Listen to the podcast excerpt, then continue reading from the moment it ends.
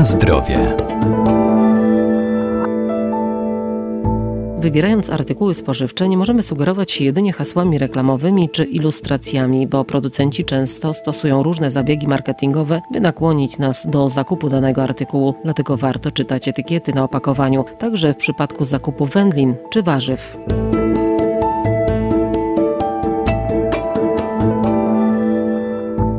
Każda żywność dostępna w handlu musi być oznakowana. Innymi obowiązkowo na opakowaniu znajdują się dane wskazujące na rodzaj i skład produktu oraz wykaz alergenów, a także warunki przechowywania i terminy przydatności, a w przypadku warzyw i owoców także kraj ich pochodzenia. Świeże owoce i warzywa podlegają wymaganiom rozporządzenia unijnego na podstawie ogólnej normy handlowej. Etykiety powinny zawierać przede wszystkim nazwę towaru, adres wprowadzającego do obrotu, kraj pochodzenia, Lubelski Wojewódzki Inspektor Jakości Handlowej Artykułów Rolno-Spożywczych Agnieszka Jarosińska. Jeżeli chodzi o normy szczegółowe, one dotyczą przede wszystkim jabłek, cytrusów, kiwi, sałaty. Norma szczegółowa obowiązuje takie produkty jak jabłka, cytrusy, nektarynki, gruszki, truskawki, papryka, winogrona. I oznakowanie tych produktów powinno zawierać nazwę towaru, adres y, podmiotu, który wprowadza do obrotu, kraj pochodzenia, klasę jakości, jak również przedział y, wielkościowy.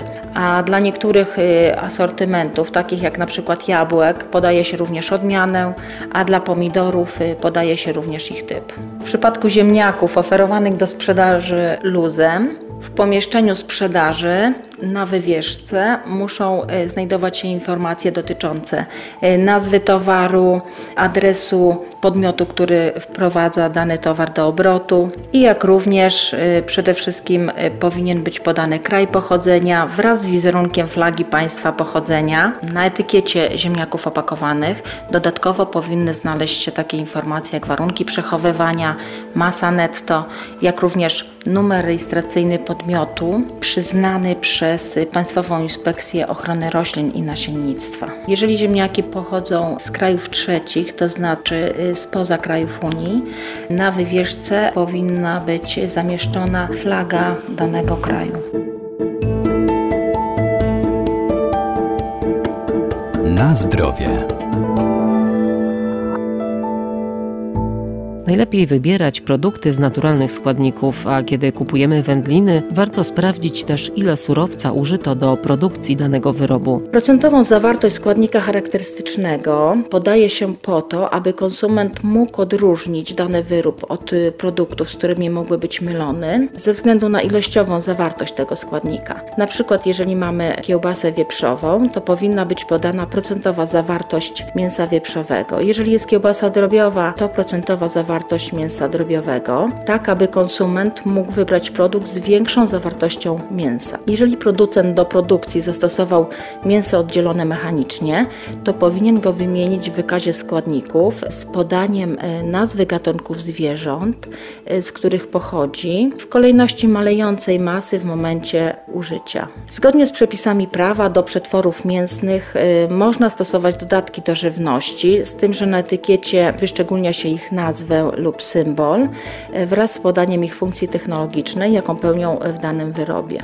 Jakość wędliny w dużym stopniu zależy od e, zawartości mięsa, jak również od sposobu produkcji. Przetwory mięsne zawierające w swojej nazwie określenia takie jak babuni, wiejski czy domowy w swoim składzie nie mogą zawierać dozwolonych substancji dodatkowych, które w żaden sposób nie są wykorzystywane podczas ym, przygotowania takiej wędliny w warunkach domowych, przykład karageny, glutaminian sodu, polifosforany, barwniki, aromaty, jak również y, należy tutaj dodać mięso oddzielone mechanicznie.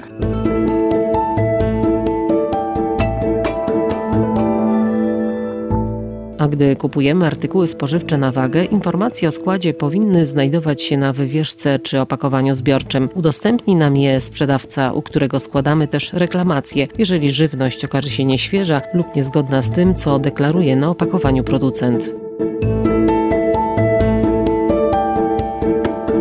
Na zdrowie.